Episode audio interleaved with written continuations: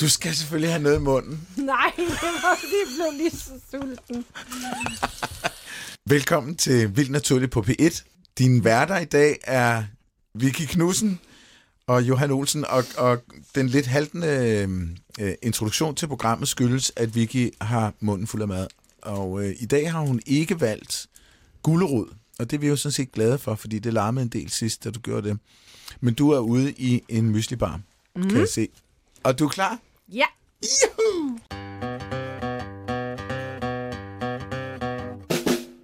Vicky, grunden til, at du spiser, det er jo sådan set, at øh, hvis du ikke havde lyst til at spise, og ikke havde mulighed for at finde noget mad, så ville du dø. Mm. Så derfor så gennem mange, mange, mange, mange år er der udviklet organismer, øh, der er blevet rigtig gode til at spise, når de har brug for det, ellers så ville det ikke rigtig virke. Og den udvikling, det er det, vi kalder evolution. Mm-hmm. Og evolution er et af mine yndlingsemner. Mm-hmm. Der Også er, mit. Og jeg oplever også ofte at tale med folk om evolution, folk, der har gør sig tanker om evolution, hvor det går op for mig, hvor svært det egentlig er at forstå, og hvor nemt det er at tro, man forstår det. Evolution har gennemgået nogle store forandringer. Og i dag vil vi jo måske få åbnet øjnene, eller tarmene. Ej, det er lidt forkert. For endnu større indsigt Ja, i fordi, evolutionsteorien. ja fordi den, den, øh, der er... Jeg vil ikke sige, at selve te- evolutionsteorien er nok ikke ændret, men jeg vil sige, der, der er kommet mere til, der er kommet aspekter til, som vi bestemt ikke havde regnet med. Så der er jo en grund til, at jeg siger at åbne tarmene. Ja, ja. Det er jo fordi, vi skal ned og se på vores mikrobiom og, og, og, og bakterierne og alt det, der er inde i os, som vi aldrig ser. Vi har jo før hyldet bakterier i Ja, et program, og hyldet dem for, altså, hvor, hvor meget gavnligt de egentlig gør for os, og hvor Mm. gode bakterier er, fordi det tit er noget, man forbinder med noget negativt. Og nu fordi de har været her i vaske dine 4 hænder. milliarder år, Ja, også det. og overlevet altså, de mest sindssyge ting. bund og grund, så er det jo nærmest vores stamfædre ja. Ja, et eller andet sted. ja. Ikke? Så vi har meget tak bakterierne for. Tak bakterier derude. Også hvis der er lyttere, der er bakterier. Tak til jer. Ikke desto mindre skal vi i dag se på bakterier og, og mikroorganismers betydning for evolutionsteorien. Ja. Fordi vi har en gæst i studiet, der ved helt utrolig meget om det her emne. Mm-hmm. Og det er Morten Tønsberg Limborg øh, fra Center for Evolutionær Hologenomics øh, på Globe Institute. Velkommen til, Morten. Tak skal I have. Dejligt at have dig på besøg. Og jeg bliver simpelthen nødt til, bare fra start af, at få øh, forklaret, for mange kender måske hologrammer, Ja, mm. men hvad er hologenomics? Det er noget, der er lidt større, end det vi er vant til at tænke på, når vi tænker på genomer her i Holo. Og det kommer fra, at vi øh, som evolutionsbiologer jo hele tiden er drevet af at vil forstå, hvorfor øh, diversiteten og livet ser ud, som det gør i dag. Hvorfor, hvordan, hvordan har det tilpasset sig, de ting, de har tilpasset sig. Og i klassisk evolutionsbiologi kom vi jo mileskridt fremad, da vi fik beskrevet, hvad DNA og genomer og gener er, fordi det har en meget simpel model for, hvordan det bliver nedarvet mellem generationer. Genom kan jeg måske lige sige til lytteren. Genom er vores samlede arvemateriale. Ja, og efter vi fik det redskab, så har det ligesom været den primære værktøjskasse, man er gået til, når man vil forstå, hvordan øh, spændende arter har tilpasset sig et bestemt miljø. Og så har vi sekventeret genomet og prøvet at drage en lige linje fra variationer i vores arvemasse til den tilpasning, vi ser, eller udseende, vi ser i en organisme. Og hvis vi så parkerer den, så på den anden side, som I øh, så godt har hyldet i et tidligere program, så er der jo altså kommet det her øget fokus på mikrobiomer, altså alle de mikroorganismer, som vi lever sammen med, og som mm. lever i os. Og vi ved jo, øh, at de spiller en vigtig rolle, og vi har brug for dem i vores, især i vores tarm til at fordøje vores føde, men også til at, at holde patogener øh, for døren øh, og hjælpe os i vores immunsystem. Og et klassisk eksempel for dyreverdenen er jo køer, som skal bruge øh, fire maver til at have fire forskellige mikrobionsamfund for virkelig at kunne leve af bare at spise græs mm. dagen lang. Den nye felt her med mikrobiomforskning, og så, begynd, så er det som om man glemmer, at der fandtes et genom. Nu kigger vi på mikroorganismer, nu kan de forklare det hele, og hvorfor bliver vi syge, eller bliver vi ikke syge, og hvorfor kan vi spise det og ikke spise det. Øh, Og så kigger vi på det, vi kalder et metagenom. Så det er jo så vores mikrobioms samlede arvemasse. Så det er alle bakteriernes DNA. Mm. Øh, og der er mange forskellige arter, men vi kobler det sammen og kalder det et metagenom. Mm-hmm. Og så prøver man så at drage en lige linje fra variation i det her metagenom. Hvad for nogle bakterier er der, og hvad for nogle er der ikke, og hvad kan de finde ud af? Og så drage en lige linje fra variation der til at forstå den overordnede fenotype, med hvordan kan den her art have tilpasset sig. Så stopper dig lige. Du siger fenotype.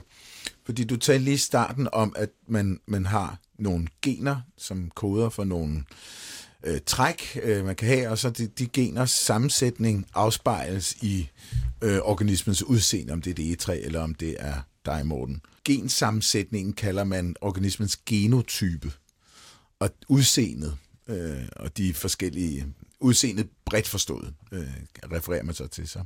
Fenotype.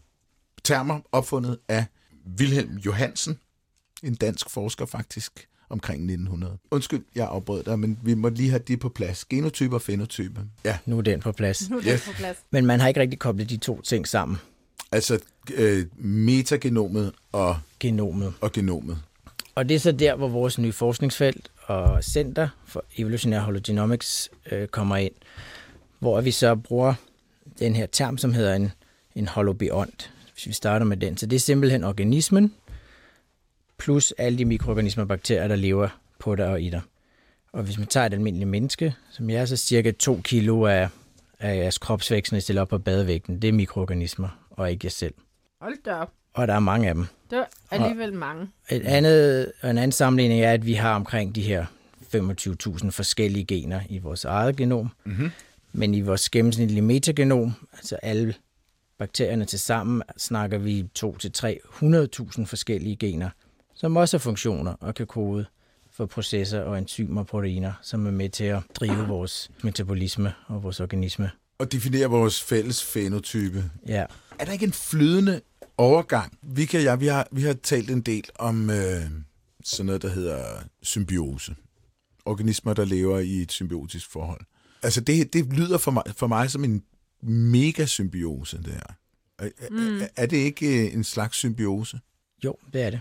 Lige præcis. Der, der foregår en, en, en krig i den videnskabelige litteratur omkring terminologien i hele det her. Øh, og vi holder os bare lidt udenfor, fordi det er ikke særlig konstruktivt, men der er nogle begreber, der egentlig er meget nyttige. Og jo, det er netop en symbiose. Så hvis vi skal forstå øh, evolutionen og det her, så er vi nødt til at kigge på summen af værtsorganismen og alle dens bakterier. Og det er det, vi kalder en holobiont. Og hvis vi så går ned på det molekylære plan, som er det værktøj, vi ofte bruger i vores forskning, så har vi et hologenom som igen er summen af værtsorganismens, menneskets for eksempel eget genom og alle bakteriernes mm. øh, gener, og kigger på dem sammen. Det, der er interessant, det er, at der har været sådan en bølge, hvor der er kommet et dominerende øh, synspunkt i, inden for feltet, der siger, at når man det, der har, det eneste, der betyder noget i forhold til, hvilke bakterier, der lever i os og på os, det er det omgivende miljø. Mm. Det er det mad, vi spiser, og det er det klima, hvor vi lever, og, og så videre, så videre. Og der er ingen tvivl om, at miljøet betyder rigtig, rigtig meget. Men den dominans af, af miljøet har ligesom ledt til, at man simpelthen, nej, men det betyder det, at verdens eget genom og genotype ikke betyder noget. Mm-hmm. Fordi det er ligesom bare, hvis vi putter det her mad i, så får vi alle sammen det samme mikrobiom. Men det er jo tydeligvis forkert. Og et andet altså, konkret eksempel er, hvis I rejser backpacker til Indien med jeres kæreste, så er det ofte, at en af jer ender med at sidde på toilettet de første 14 dage, og den anden har det fint og går rundt på markedet. Ikke? Ja. Men det er fuldstændig det samme miljø, I er blevet eksponeret for og har Ja. rejst ned i, men I reagerer forskelligt. Og det er så her, vi går ind og kigger på mikrobiomet, mm. så er bakterierne som en slags fenotype. Ja. Kompleks en af slagsen, men en fenotype for værtsorganismen, som er delvist kontrolleret og styret af verdens egen genotype. Ja. Fordi der er din kæreste, I er genetisk forskellige. Så ja. I har forskellige genotyper, så selvom I kommer derned og får de samme fremmede mikroorganismer ind, så selekterer I forskelligt for dem. Mm-hmm. Nogle af dem bliver bare slået ned med det samme af jeres stærke, robuste tarmflora, og, og hos den anden, der kan det være, at de kommer ind og laver noget rod i en Ja. periode. Jeg tror ikke, jeg havde en særlig robust tarmflora, da jeg var i Sydafrika. Okay, Det havde mange af de andre. Så så du var lidt alene i den periode. tak for lort, skulle jeg til at sige. Mikrobiom. Men, men det er jo øh, ret interessant, og I siger jo også, Morten, at I øh, vil genfortælle historien om livet, fordi der har manglet det her aspekt i evolutionsteorien. Så der er ikke noget galt med survival of the fittest, men der er nok bare nogle flere ting, der også bidrager til, hvordan en art ender med at se ud og gøre, mm. som den gør. Fordi at det, er jo, det er jo noget, der øh, altså ikke kun har betydning for udseendet, men også for adfærden. Og det synes jeg jo også er interessant, ikke? Øhm, og, og vores sundhed generelt, fordi det er jo meget nemt at forstå det her eksempel med, at eller forholdsvis nemt at forstå i hvert fald, hvis man ikke går helt ned i detaljer med det, at vores, vores tarmflora kan være forskellige, så derfor reagerer vi måske forskelligt på den samme slags mad og det samme slags miljø, vi bliver udsat for. Men hvordan kan det gå ind og påvirke adfærden? Det synes jeg er spændende. Mm. Det er det også. Vi har ikke arbejdet så meget med det nu, men der er studier, der viser, at der er en helt, øh, helt tydelig akse fra vores tarm, mm. vores øh, bakterier og deres funktioner, via vores centralnervesystem og op til hjernen. Og et konkret eksempel, som min kollega fra Biologisk Institut, professor Carsten Christiansen, har lavet på mus, der kigger man forskellige, tit på de her forskellige typer, hvor man kalder det bold og shy. Altså, mm. Så der er nogle stille mus, der gemmer sig over hjørnet, og så er der nogen, der bare buller derud af. Mm-hmm. Ligesom hos menneskelige personligheder. Mm. Og de har så den her labyrint i, i deres laboratorium, og så er der en, en af de her shy, stille, generede mus, som kommer hen til sådan hvad er det, 40 cm frit fald, og den stopper op og vender om, og det skal den ikke lige i dag. Skal den ikke og det har den ikke lyst Nej. til. Og så er der en anden mus, som er den anden, som tonser der ud over. Og så er det, de laver det her, altså en transplantation af mikrobiomer fra den ene til den anden. Så den der, der var generet, den får en gang antibiotika for lige at blive renset ud. Mm-hmm. Og så får den øh, tarmfloren transplanteret over fra den anden mus. Ja. Og det er den samme mus, det er den samme genotype, den har i sit eget genom. Men nu har den så fået et nyt mikrobielt samfund i tarmen. Og så går der lidt tid, og så tager den springet og ændrer adfærd. Nej, eller jo, men hvor vildt. Det er vildt, og øh, der er stadigvæk lang vej endnu, men øh, det har ført til mange interessante spørgsmål, og videre omkring ja. det der med, at tror, at man har en fri vilje. Da vi havde Peter Borming på besøg, der talte vi faktisk lidt om det her også. Altså vores øh, bakterie. Ja, bakterie. Øh, øh, fan ekspert. Og ekspert, og fan, ja. ja. Øhm, bakterie aficionado. Mm-hmm. Men øh, der talte vi også om det her, og der kan jeg huske, at jeg fik den der følelse af, hvor, kan vide, hvor meget af min adfærd, der er bestemt af, af sammensætning af bakterier i tarmen. Ja, hvem er jeg egentlig? Mm-hmm. Men der kommer du sådan set med et svar, Morten. Fordi du siger, du kan ikke, du kan ikke betragte dig selv som værende kun de celler, der er mammale og som har dine gener inde i dig. Du bliver nødt til at betragte dig selv som en, ja, en holoorganisme, at der består af alt det, at du er ikke helt inde i. Jo, men altså, det bliver meget abstrakt.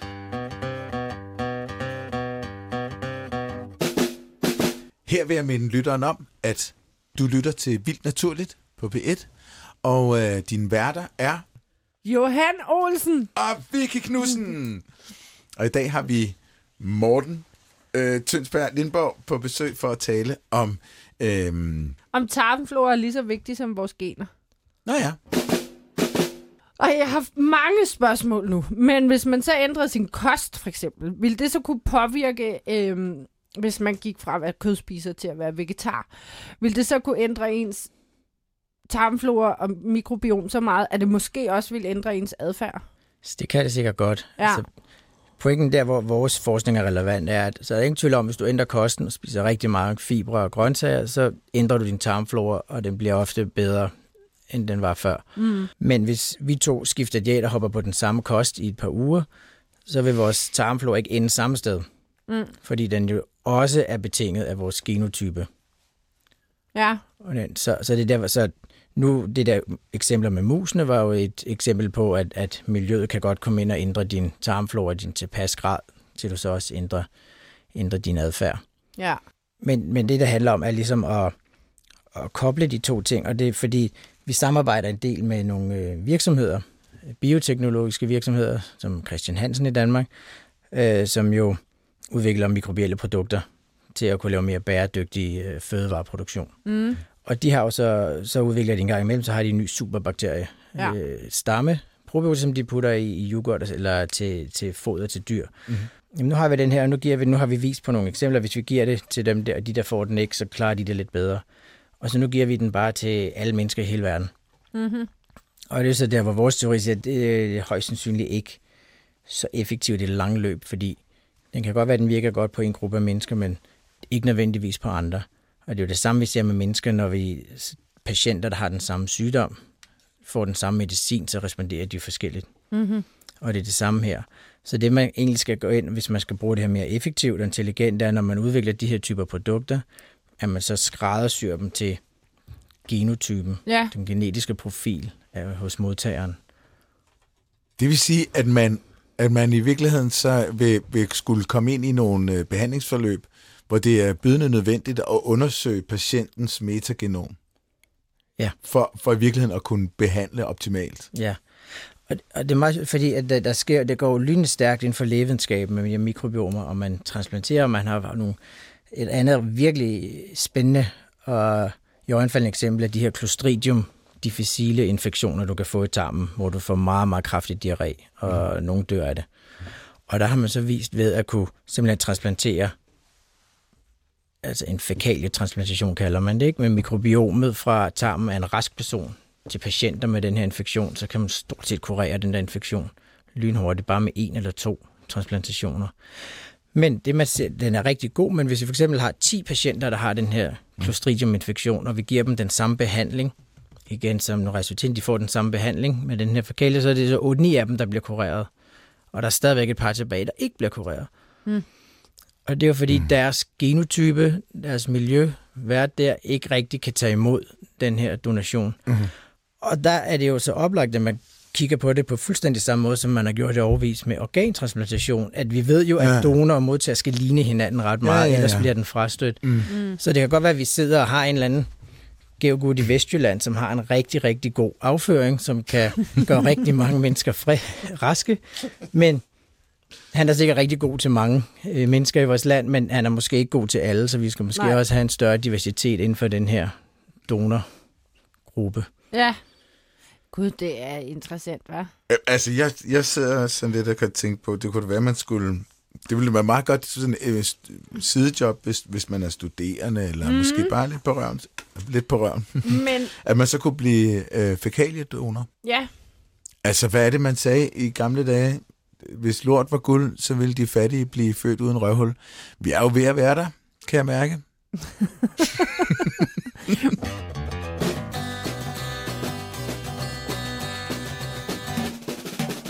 en ting er, at det så netop kan påvirke musens mod at få en anden tarmflora. Men jeg tænker også på, at der er jo mange, der får sådan lidt stressmave. Altså, når man bliver meget stresset, så får man lidt dårlig mave, ikke?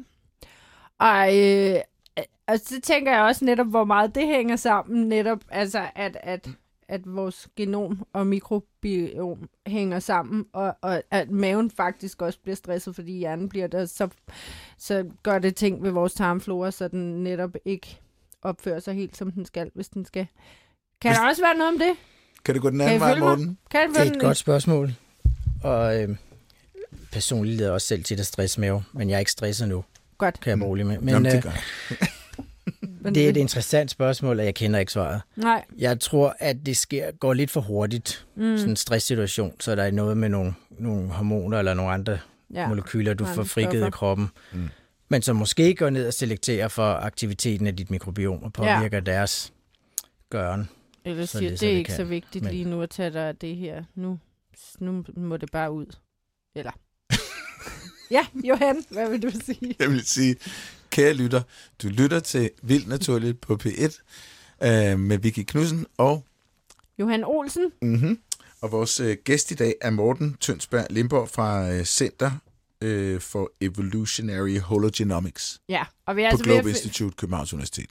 ja, og vi er altså ved at finde ud af, om tarmflora er lige så vigtig som vores gener. Ja, og det er det, som, øh, som, som samtalen går ud på. Morten, jeg kunne godt tænke mig at høre dig.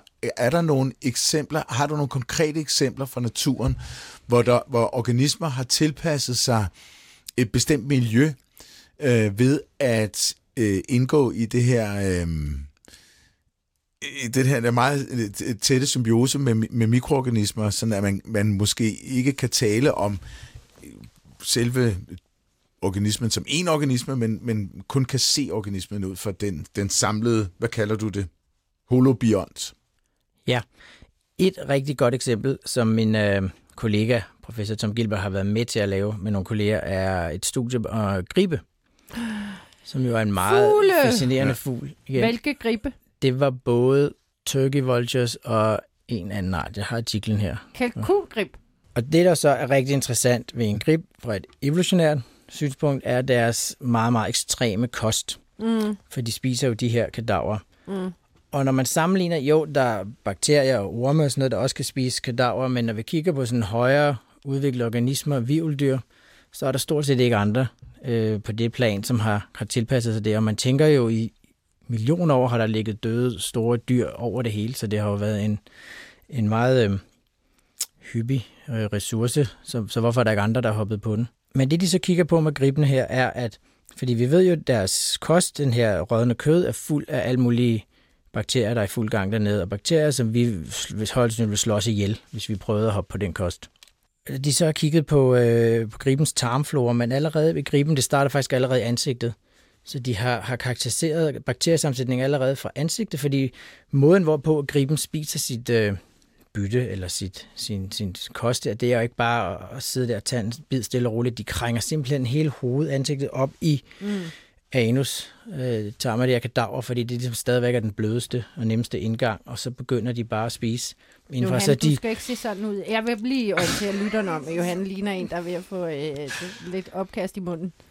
man kan jo Sådan sige, at gribene bogstaveligt talt kaster sig med hovedet først ind i det her øh, bakterielle jungle, de her kadaver. Ja. Og de så har så kigget på sammensætningen af de bakterier, der er allerede på ansigtet, så hele vejen igennem munden og hele gangen igennem Altså fordør, dem, der sidder- fordøjelsessystemet. De- Dem, der sidder på gribens Ja, overflade. Ligesom vi har en sige. tarmflora ligesom på vores hud, så har griben det i sit ansigt, mm. som jo en gang imellem skal ind i dens mad, Ja. inden den spiser det. Og der kunne de så se, at, at, at gribens egen tarmflora også var domineret af nogle spe- specielle stammer af, af fusobakterier og clostridier, som vi jo kender som at være ekstremt patogene over for os. Og, og det ligesom er en del af forklaringen på, at, øh, at de kan tolerere det her og, Så- og leve af at spise det her. Okay, så de har nogle ret hæftige bakterier på over... Øh, altså man kan sige, det er jo derfor, gribe er lidt nøgne i hovedet ofte. Det er jo netop fordi, så er det lidt mere praktisk at komme ind igennem inden der. Men de har jo bitte små fjer. Men øh, lad- os sige, på huden har de altså nogle meget kraftige, farlige for os bakterier til at dræbe de bakterier, som de så får på sig, eller hvordan? Det ved man ikke helt. Nej. Det, så funktionelt har de ikke gået til værks endnu, men i hvert fald til at kunne tolerere dem. Mm, Øh, eller også er det dem, der er der, men de lever fint med dem. ja, Ikke? Ligesom, vi har masser af bakterier, der kan gøre syge i os hele tiden, men mm. de opfører sig som regel pænt. Ja. Og man kan sige, sådan, hvis man så bare tager et her og nu økologisk øh, synspunkt, at man går en tur og kigger på en grib og skal fortælle historien, så jamen det er fint, der kommer nogle bakterier ud fra miljøet og gør, at nu kan de det også, og udvider deres værktøjskasse.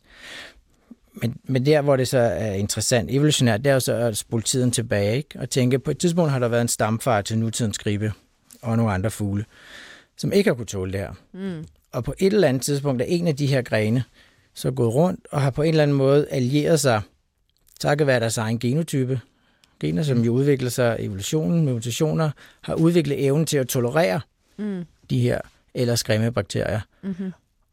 Og det har jo taget mange, mange, mange millioner år, men pludselig har det jo så åbnet op for den her helt nye øh, niche i form af, af, af, af mad. Ja. Mm. Og føde. Men det har været dyrt, åbenbart, fordi det, hvis det er den eneste, det eneste vivldyr, der kan noget så ekstremt. Altså man kender jo til åsledere andre steder fra, også fra havet, øhm, men, men øh, griben er ekstrem. Jamen, Ja. der er også mange fugle, der er ådsels, ådselædere. Ja. Øh, også i Danmark. Men øh, jeg tænker, at griben umiddelbart kan tage noget af det kød, der har ligget allerlængst og allerklammest. Også fordi de ofte i hvert fald lever ret varme steder, hvor kødet ret hurtigt fordærver. Nå ja. I forhold til, hvis man ser en rød glinte øh, hygge sig med et ådsel, eller Kan grib tåle frisk kød? det kan den godt. Okay. Siger jeg, uden omsvøb. Men det tror jeg bestemt godt, Ja, ja. den kan. ja. Ja. Det er nok, jeg tror, den kan hele turen rundt. Så hvis man har en grib derhjemme, så, så vil jeg sige efter du har, det, du har fortalt, Morten, lad være med at slikke den i hovedet.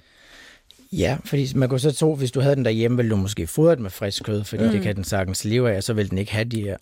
Men der, hvor, det, der faktisk var rigtig elegant ved det her studie, var, at øh, hvis man stoppede der, ville mange selvfølgelig, ja, ja, men det er jo fordi, at de bliver udsat for de her ådsler, og så får de ligesom rekrutteret de her bakterier, så kan de tolerere det. Ja. Men det kommer fra miljøet, så det har ikke noget med deres eget genom at gøre. Og dermed er vores, den der holobiont-teori, den er, den, den er ikke relevant. Det, de gjorde, det var, at de gik ud i Zoologisk Have her i København, og lavede lignende prøver fra en masse forskellige fugle. Mm-hmm. Så gribende derude, men også nogle andre fugle med andre typer kost.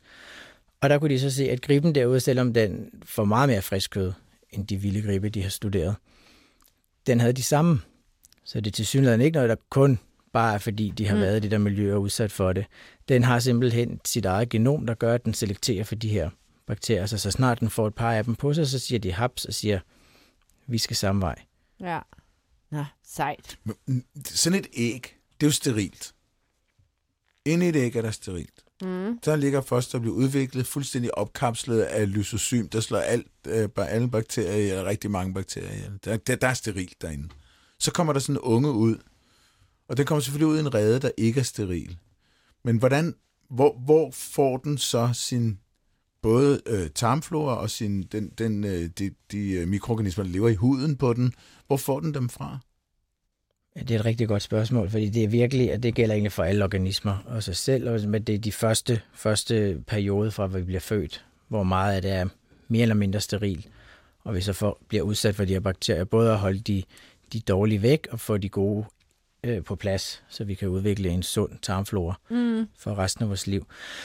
Et interessant eksempel kommer øh, sjovt nok også fra fugleverdenen, fra en artikel, jeg var redaktør på et tidsskrift omkring øh, altså koevolution mellem værter og deres organismer. Og der er nogen, der har lavet studier på, på øh, altså nestling birds, altså fugle, der har unger i redden øh, i den periode. Ikke? Og, og fugle har sådan en rigtig, øh, så de har en udvendig kirtel, gumpkirtel, mm. hedder den vist på dansk. For det er sådan, der er bagved. Og det er en kirtel, der udskiller nogle sekreter, som de løbende bruger til at, at smøre deres vinger med. Mm. Når det hele er. Men så har man så kigget på den her kirtel og den sekret, mens fuglene har unger i redden. Og der ændrede sammensætning af det der sekret, så det fik en meget højere koncentration af nogle bestemte molekyler, som det så viste sig øh, tiltræk øh, en, tar, en flora, ikke en tarmflora, en, men en mikroflora, øh, bakterieflora, som har en antibiotisk øh, funktion. Så det er ligesom, så de fik coatet deres øh, unger, nyklækkede unger, med, med en tarmflora, som er kendt for at, ligesom at slå andre dårlige, øh, potentielt skadelige bakterier ihjel. Altså forældrene fik den. Jamen, for, jamen det, Eller altså og det her, det hele, det her det hele falder på plads, fordi forældrene, øh, fuglen ved gennem fuglens eget genom, kan udskri- udskille de her sekreter i mm. dens kirtel. Og det skaber så et slags øh, mikromiljø, Ja. ligesom, ligesom din tarm er et isoleret mikromiljø. Og det miljø tiltrækker så en, en mikroflora mm. af bakterier, som har en, øh, fungerer ligesom antibiotika i virkeligheden. Ikke? De får de så smørt ud over deres øh, unger, eller for, for transformeret over til deres unger, mens Nå, de er i redden. Så de får et beskyttende lag af bakterier, Ja, så, som, så som kan forældrene slå... dypper øh, deres næb i deres skumkirtel, og så over til, til ungerne. Det vidste jeg slet ikke. næ. Men hvis man undrer sig over, hvor gumkirten sidder, kan jeg godt være behjælpelig. Når man ser en fugl sidde og pusse sig, Mhm. mm. så tager den netop tit næbet om ved halefjerne op for enden, hvor halefjerne er hæftet til huden. Og det er lige der omkring, at gumkirtlen sidder, så grunden til, at de tit netop stikker hovedet ned sådan op ved halefjern, det er for at få det her smørelse på Får de det på næbet. Og så kører de jo hele næbet igennem sådan en lang halefjer eller en anden fjer, mm. Og så bliver den ligesom smurt ind. Smart. Smart, det er lidt trist, at vi ikke selv har en gumpkirtel. Det har altid irriteret mig, det der med, at man rendte rundt og, og skulle smøre sig ind i sådan noget Jeg tror ikke, jeg vil frugtighedscreme. kunne håndtere det, fordi det ligner sådan en form for bums, så jeg tror, jeg vil gå og trykke den hele tiden, selvom det ikke var nødvendigt. Og så vil du være en evolutionær blindgød, Vicky, Ja, og det, det mener jeg altså ikke, du Man kunne have haft et helt andet forhold til bumser. ja. Det kan være, at vores bumser faktisk skal bruges til. Nej. Øh, Ja. En interessant teori, som vi går væk fra nu.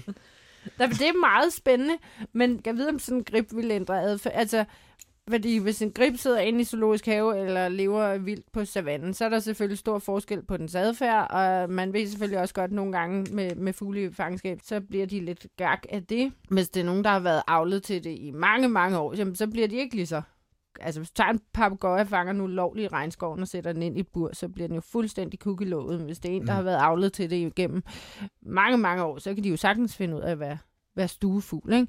Mm. Men jeg tænker også at vide, om sådan en grib så lige pludselig netop, også ligesom musen ville ændre adfærd, hvis den kun fik frisk kød, og ikke fik rådden kød, og om dem, men det er jo lidt svært at vide. Det er et, et nyt studie, der skal... Nå, der er for simpelthen så mange spørgsmål. Af er det her. faktisk i gang med det studie Nå. øh, hos os, bare hos katte, men øh, hvor du sammenligner vildkatte og tamkatte.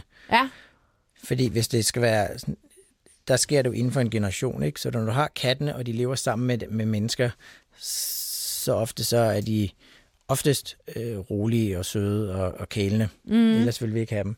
Men så snart de løber hjemmefra og har levet bare et par uger måneder vildt, og, og selv skulle fange sin føde og klare sig, så ser man tit, at de ændrer adfærd, og så bliver de meget mere aggressive. nå, Og, og, og der er hypotesen, at det er fordi, de ændrer deres tarmflora, når de skifter det miljø der nej, hvor spændende. og at den så går ind og ændrer, fordi hvis du øh, skal klare dig selv ude i, i junglen, om det er i på Amagerfællet eller i en regnskov, så, så nytter det ikke så meget at være kælen og gå og, og nusse op af andre større dyr. Mm. Så, så, Nej, så er det bedre at være lidt feisty. Ja, så det er en hypotese, at, at det blandt andet er, fordi de får ændret deres tarmflora. Nå, hvor interessant. Wow. Ja. Stadig svært at sige, om gribene så er mere tolerante inde i sofa, fordi de er vant til at sidde der, fordi de får mere frisk kød. I lytter til Vildt Naturligt, og jeres værter er Vicky Knudsen og Johan Olsen, og jeg er dagens gæst, og jeg hedder Morten Tønsberg Limborg. Nu er vi jo, er vi jo været sådan ikke antropocentriske, men vi har måske været lidt øhm, faunacentriske. Der er jo også øhm, rigtig, rigtig mange organismer derude, der ikke har en tarm. For eksempel øh, planterne. Er, ved, er det noget, I overhovedet har kigget på? Er der nogen forskere, der kigger på planters øh, ja, holo, Hologenom. hologenom, tak? Ja, det er der. Og øhm, ligesom mange af de studier, vi selv kører på, på laks og kylling, så er det ofte drevet af kommercielt vigtige arter, mm-hmm. øh, der er som regel lettere at f- formidle til forskning og sådan noget. Ikke? Men, men de bliver så ofte faktisk nogle interessante modeller for, for resten af, af, af artsspektret.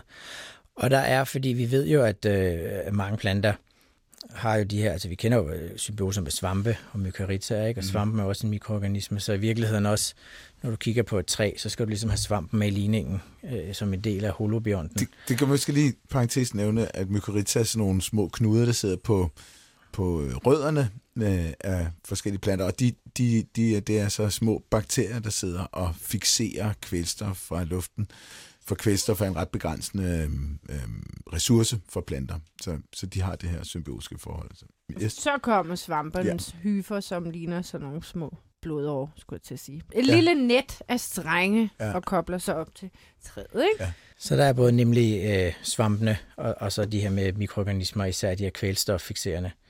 Og ofte så, så smider vi jo bare et frø fra en plante, som kommer fra en, øh, en, en øh, producent af, frø, så det er jo ofte sikkert forholdsvis sterilt, mm. og der er ikke rigtig tænkt mikroorganismer ind i ligningen, og så bliver det smidt på marken. Og ofte går det godt, men de skal jo så, når de kommer ud, skal de jo rekruttere. Når planten spiger og får, får et, et rodværk, og den får et stængelblad, så skal den jo rekruttere mikroorganismer, for den har netop også den her biofilm, som man kalder det her lag, tynde lag af overfladelag af mikroorganismer, der sidder tæt på, en, på, på et substrat, og her så er det resten af plantens øh, væv. Mm. Og der, der har vi jo set, hvis vi har haft en monokultur eller dyrket få arter på en mark i mange år, så får vi jo ligesom udvasket diversiteten af mikroorganismer, øh, det naturlige forekomst herude. Øh, så, så der er det, man kigger på, at kan vi gøre noget for ligesom også at prime de her øh, spirende planter, med, med især hjælpe dem på vej, så de bliver udsat for, for at få den rigtige øh, bakterier, Mm. som de så kan rekruttere og leve sammen med. Og det er for eksempel der, hvor man også at, øh, nu kan se, at det er en god idé at have det, der hedder sædeskifte på, på marker, hvor du dyrker forskellige afgrøder på den samme mark, i stedet for at dyrke den samme. Mm. Fordi på den måde så bevarer du en form for diversitet, fordi de forskellige arter lever med og rekrutterer forskellige arter af, mik- af bakterier. Oh, interessant. Men, men det, det her, at, altså det, det er jo sådan lidt sært, at det er sådan helt ny forskning.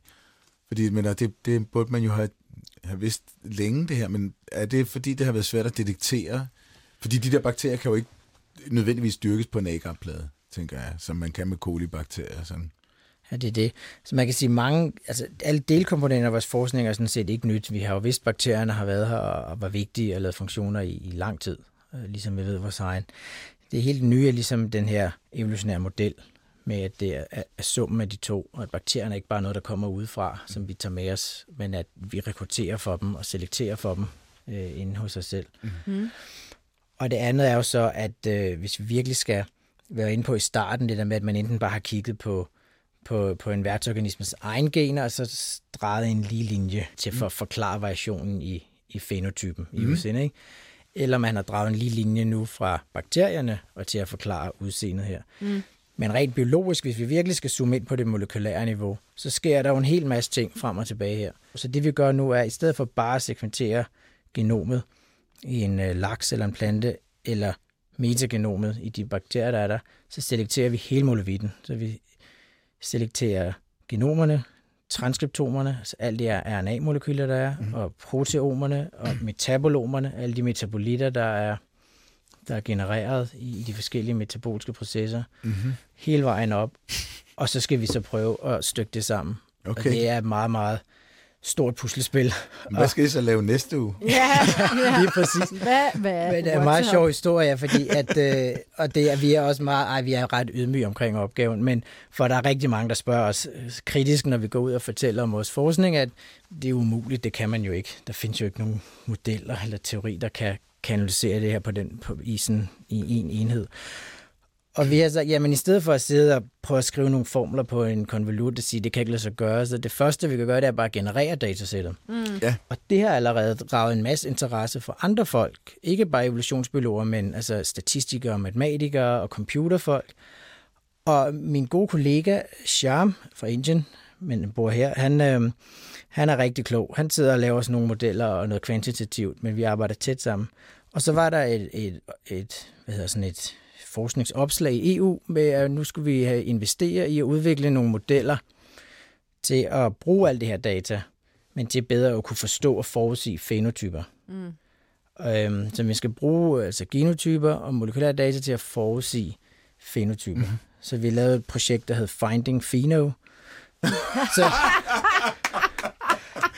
øh, og den købte de. Så vi fik faktisk 45 millioner kroner til over de næste fire år at hyre en masse øh, ekstremt kloge folk til at udvikle nye modeller og matematiske modeller til at hjælpe os med at analysere de Fantastisk. data, vi har udviklet.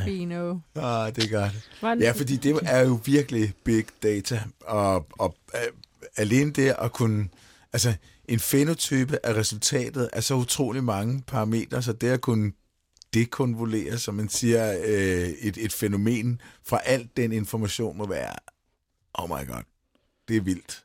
Så der skal nogle dygtige nørder, pizzagnaskende nørder, der kan lave noget computerarbejde for at kunne få det der til at lykkes. Men, men der er så to, der er et kortsigtet og et langsigtet mål med det her. Fordi vi i, i de her datasæt, vi genererer, samarbejder vi tæt med, med industri, altså producenter af enten mikroorganismer eller folk, der opdrætter laks eller kylling. Mm-hmm. Og de behøver også nødvendigvis ikke at forstå det hele. Det er mm-hmm. bare os, der gerne vil det, som mm-hmm. nysgerrige forskere. De vil egentlig bare gerne have noget viden, der kan bruges til mm-hmm. at gøre noget. Så vi kan jo på kort sigt finde nogle sammenhænge, korrelationer, til som at udvikle nogle biomarkører. Mm. Vi har for eksempel en masse studier nu, der tyder på, at tarmfloren ændrer sig ret radikalt i af laksen, når den bliver syg. Nå. Og ofte kan du først se, at den bliver syg, når den har fået et sår, eller den har et eller andet meget visuelt træk. Men ved for eksempel at udvikle en markør, hvor man sådan løbende kan monitere sammensætningen af tarmfloren, ah. så kan vi se de her ændringer ske lang tid før, at vi ellers vil opdage, at de blev syge. Mm. Og så kan man sætte ind og mm. sørge for, at taben ikke bliver så store. Så det er sådan en kortsigtet værdi af den her forskning, som vi ellers ikke vil se, hvis vi ikke kørte alle de her forskellige datasæt, molekylære niveauer sammen. Det langsigtede er selvfølgelig at prøve at forstå det hele, mm. men øh, den kan vi tage en anden dag.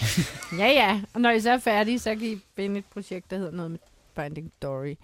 Det må være... Finding Glory. Finding Glory bliver det næste. Har jeg været tænkt på det? Fedt. Yes, så er der da i hvert fald også arbejde til et par år ud i fremtiden. Øh, øh, Morten, jeg bliver lige nødt til hurtigt, fordi nu har du nævnt øh, laks og kylling op til flere gange, men vi har ikke rigtig været inde på laks og kylling. Så kan være, at du lige bare lige kort skal fortælle, hvad det er, I øh, foretager med laks og kylling hele tiden. Så humlen er, at øh, altså akvakultur, altså produktion af protein til menneskelig konsum i havet, som for eksempel især fisk, men også skalddyr og sådan noget, er en rivende udvikling. Og mm. det er også, hvis vi sammenligner det med, der er en masse problemer med det, og det forurener, jo, men det gør al produktion. Hvis du sammenligner det med, med terrestisk protein, som kylling, svin, oksekød, så er det 100 gange mere bæredygtigt at producere protein i vandet. Så det er en sektor, der virkelig, virkelig vokser med det øgende øh, protein efterspørgsel fra, fra mennesker mm. i de næste mange år. Og den ubetinget største ressource for at producere en laks, det er fodret, du skal mm. give laksen. Ikke?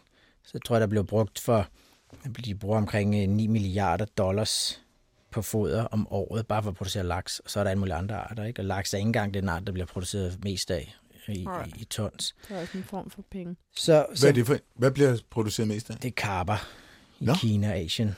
Nå. Mm. Så vi tænkte, at øh, det var et meget sted, godt sted at sætte ind.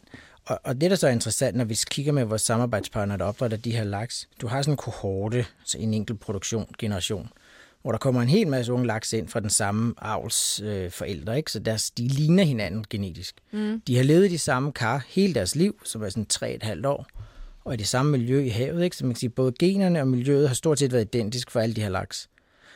Men når de skal slagtes, så varierer de fra cirka 2 kilo op til 10 kilo i størrelse. Nå, Så det er jo en Hold kæmpe variation rent fenotypisk igen, ikke? Og normalt, når vi skulle forklare fenotypisk variation, så har vi kigget i enten, er det generne, eller også er det miljøet. Og her er det svært at forestille sig, at de små forskelle, der måtte være, kan forklare det hele. Og så var det, vi ligesom fik overbevist den industri om, at nu var det ligesom tiden var moden til også at ind og kigge bare fra start på deres tarmflora øh, og de her bakterier for at forstå, ja. er der en forskel? Altså er de store laks? Fordi så har vi, hvis vi så tager prøver for de her laks, inden de skal slagtes, så har vi en laks, der er 10 kilo, så ved vi, at den har haft en meget mere effektiv vækst effektivitet i hele over dens livshistorie, og mm. er der så en sammenhæng mellem dens tarmflora? Og er der det, kan vi så gå ind aktivt og modulere den tarmflora, så kan vi give dem nogle, kan vi eksponere dem, når de er helt unge, for en tarmflora, der gør, at de kan udnytte deres foder bedre. ja. For kan du optimere deres øh, foderudnyttelse med bare en halv procent, så kan du så have, skalere det hurtigt op til mange, mange milliarder. Mm. Og selvfølgelig, altså, jo mere foder, der bliver til fiskebiomasse og ikke går til spild, jo mere Ja, ja, ja. ja. bæredygtigt er det også. Der sker det især i andre, men også inden for akvakultur, at der kommer de her, de kalder funktionel foder, så man putter simpelthen probiotika i, ligesom vi har i vores yoghurt. Mm-hmm. Så man putter levende bakteriekulturer i, i deres foder, med det øhm, formål at, at stimulere en sund tarmflora, så de kan Nå. vokse bedre. Okay. Der har måske nok været et par forsøg, hvor man har sammenlignet nogle grupper, der har fået det ikke har fået det, og så har man synes dem, der fik det, har klaret sig lidt bedre. Men det er en stor sort boks. Ja. Så man kommer den her bakterier ned i laksen, og man har måske observeret, at de også har klaret sig bedre i en given øh, miljø i et laboratorie. Men den der sorte boks imellem, det er jo så den, vi prøver at åbne stille og roligt. Det er, jo, det er jo fantastisk, Morten. Du har et kæmpe privilegie i at, at gå ind i et forskningsfelt, som er så nyt, hvor der er så meget nyfalden sne, og så, meget, så mange landskaber, ingen nogensinde har set før. Det er et drømmescenarie for en forsker, det der. Det er fantastisk. Og til med få lov at kalde projekterne Finding Fino. Og forhåbentlig Finding Glory Ja. senere. og så kyllingerne. Dem arbejder du ikke med så? Nej, det er den dem- anden halvdel, men det er det store EU-projekt, vi har nu, som hedder Hollow Food, som er knap så sexet, men det, det er den lidt mere hologenom. Der er også mere end bare sex og navne i det. og der var det, ja, vi skulle have to ting, så vi fokuserer på kylling og laks. Og kylling er jo så også meget mere relevant for vores partner, eller Christian Hansen, øh, derude, fordi at øh, man er meget længere fremme i forhold til at anvende øh, probiotika og sådan noget i kyllinger. Mm. Og det vi gjorde der var, at øh, min kollega har gjort, at vi har sammenlignet tre forskellige fodertyper, så de har fået bare sådan en kontrol, klassisk øh, kyllingefoder, og så er der nogen, der har fået en med øh, en probiotika i, altså en ny bakteriestamme, som man antager er sund for kyllingen. og så lavede man en tredje variant, hvor der var det, man kalder synbiotika, så det vil sige, at det er både den levende probiotika, men så har den en madpakke med, det man kalder præbiotika, så det er altså noget... Øh, øh, det er ikke noget levende, men det er noget mad, nogle fibre eller et eller andet, Ja. som man tror, den godt kan eller man ved, den godt kan lide, så man ligesom også giver den en, et, et forspring, eller Mm. en, en kickstart til at kunne klare sig ned til ham. og så har vi så sammenlignet det. Og øh, der var lidt forskel, det var ikke særlig sådan soleklart helt præcist, hvad der skete. Men der var det så interessant for os, fordi sådan nogle typer forsøg er der blevet lavet i, i, i mange, mange år i, i anvendt forskning inden for fødevareproduktion. Mm. Men der var det interessant for os, det er så at gå ind og kigge på de individuelle forskelle mellem de kyllinger, som har fået den samme pakke. Ja. Men hvis der er nogen af dem, der responderer forskelligt, mm. og om vi så igen kan gå tilbage og koble det til dens egen Ah, ja. genotype. Ja, ja, helt klart. Fordi det kan man Ja. ja. så bruge både det, vi snakker om før med laks, så kunne man måske i virkeligheden direkte bare afle på, at øh, de fik en sund tarmflora. Mm. Men det andet er også, når vi har de her biotech-virksomheder, som producerer alt det her probiotika, som er tilsætning til foder, mm. så kan vi jo blive så kloge, at vi skal nok bare ikke producere den samme type probiotika til alle kyllinger i hele verden. Ah. Vi skal gå ind, og så skal vi skræddersy det til den genetiske profil i den kyllingestamme, mm. øh, som vi vil opdrætte det på et, et givet sted. Mm.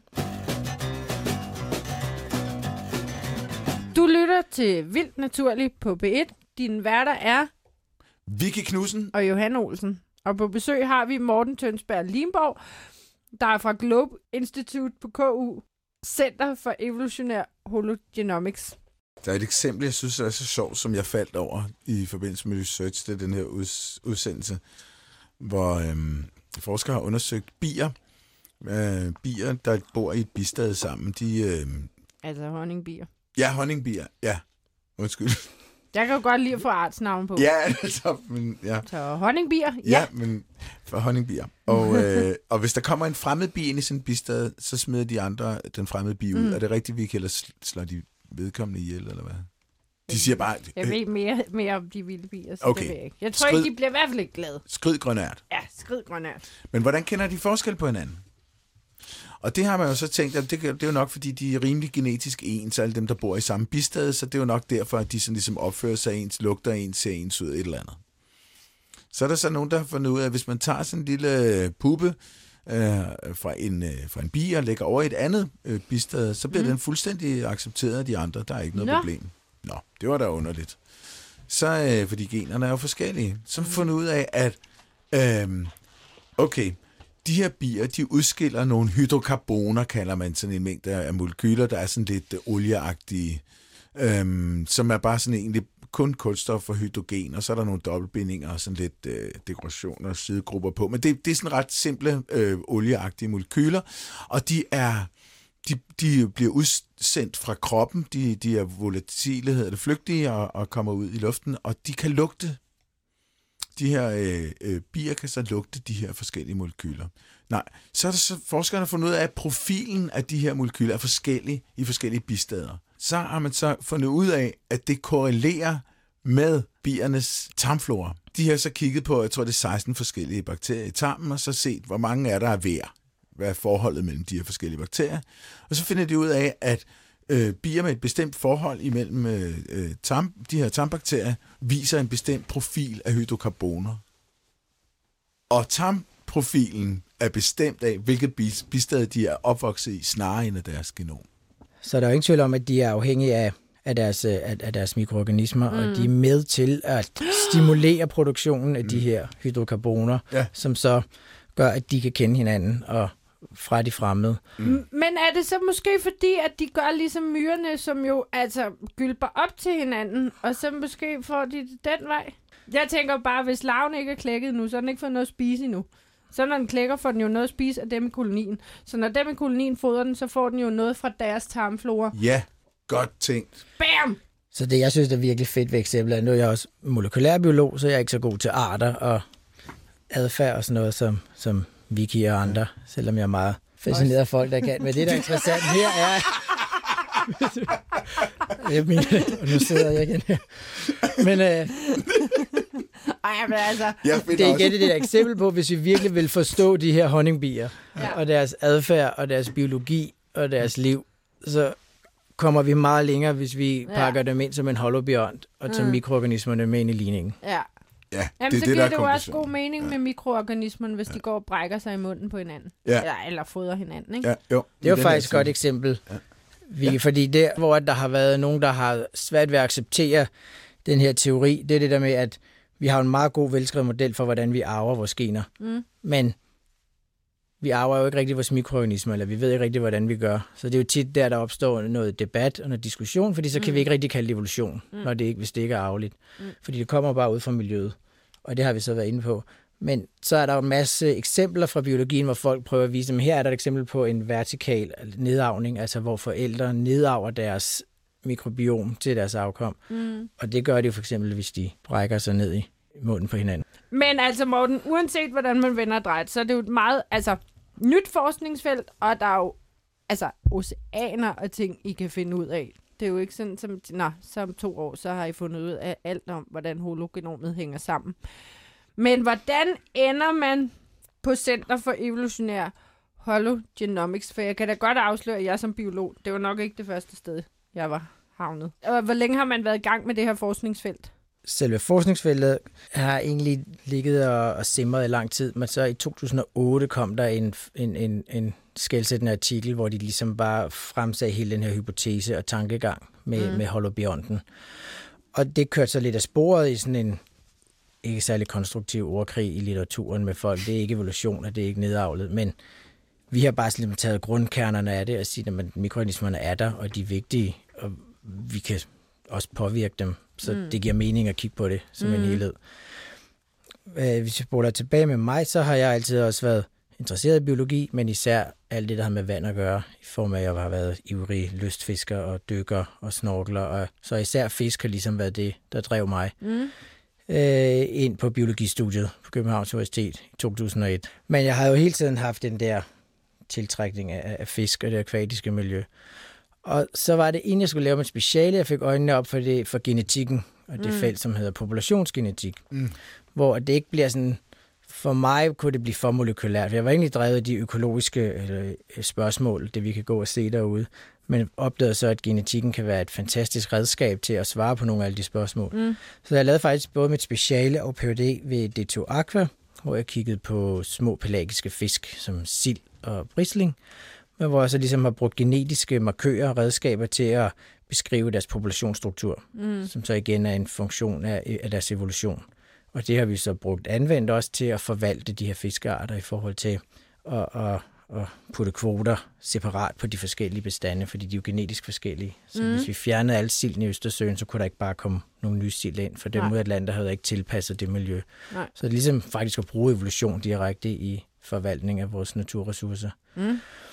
Og efter det lavede jeg en, en forskerstilling to år i uh, Seattle, hvor jeg arbejdede også med evolution og, og det, der hedder økotyper i laks, hvor vi er oppe i, i Alaska og laver feltarbejde hvor der er de her laks, som ser forskellige ud. Øhm, men øh, der er faktisk nogen, der har en øh, stor pukkel, og så nogen, der har en lille pukkel. Nå. Fordi der med men det er samme pukkel, art? Det er samme art. Nå. Og, øh, og den store pukkel er ligesom udviklet det, man kalder seksuel selektion. Fordi mm. at hvis du har en han, det er kun hannerne. Hvis de har en stor pukkel, så er de ekstra attraktive hos hunderne og får flere afkom. Men så har vi nogle små populationer, der, der gyde de små lavvandede øh, bække, hvor der var, altså, der var virkelig ikke mere vand sådan her. Og, og der er det, det er 10-12 cm. Ja. ja. Og hvis du er oppe i Alaskas ødemark, og du er en laks, der rager sådan et stykke op over, over overfladen, snakker vi 20 cm, mm-hmm. Øh, så er der nogle andre farer. Så kan der godt være, at hundene synes, du er attraktiv, men øh, hvis du bliver spist af... bjørnen også. Ja, lige præcis. Også, du er dejlig. så der er stor risiko for, at du kan blive spist af en bjørn, ja. inden du når at, at gyde ja. og videreføre dine gener. Og det, der er interessant, er, at de her laks, de lever deres første år i de samme søer, og så svømmer de ud i havet og er det samme hav, og så kommer de tilbage samtidig, og så svømmer de lige hver til sit, så er der nogen, der gyder i de, i de mere dybe søer, hvor der er over en meter dybt, hvor de kan have der store pukkel i fred, og så er der nogen, der svømmer 100 meter op ad et lille bæk. Og de ser helt forskellige ud, fordi der har været den der selektion. Ja. Det er så fordi, de har været reproduktivt adskilt i mange år. Ikke? Det der med laksen, Nå, at de virkelig sjov. kan finde tilbage på, altså inden for, for ja. få hundrede meter til der, hvor de selv blev klækket. Så det prøvede jeg at kigge på med genetik, og så kom jeg så tilbage til Københavns Universitet, Danmark i 2014, og var egentlig drevet af, at jeg havde den her grundinteresse i fisk, men egentlig evolution generelt. Så jeg er ikke rigtig nødvendigvis drevet af en bestemt art eller, eller model.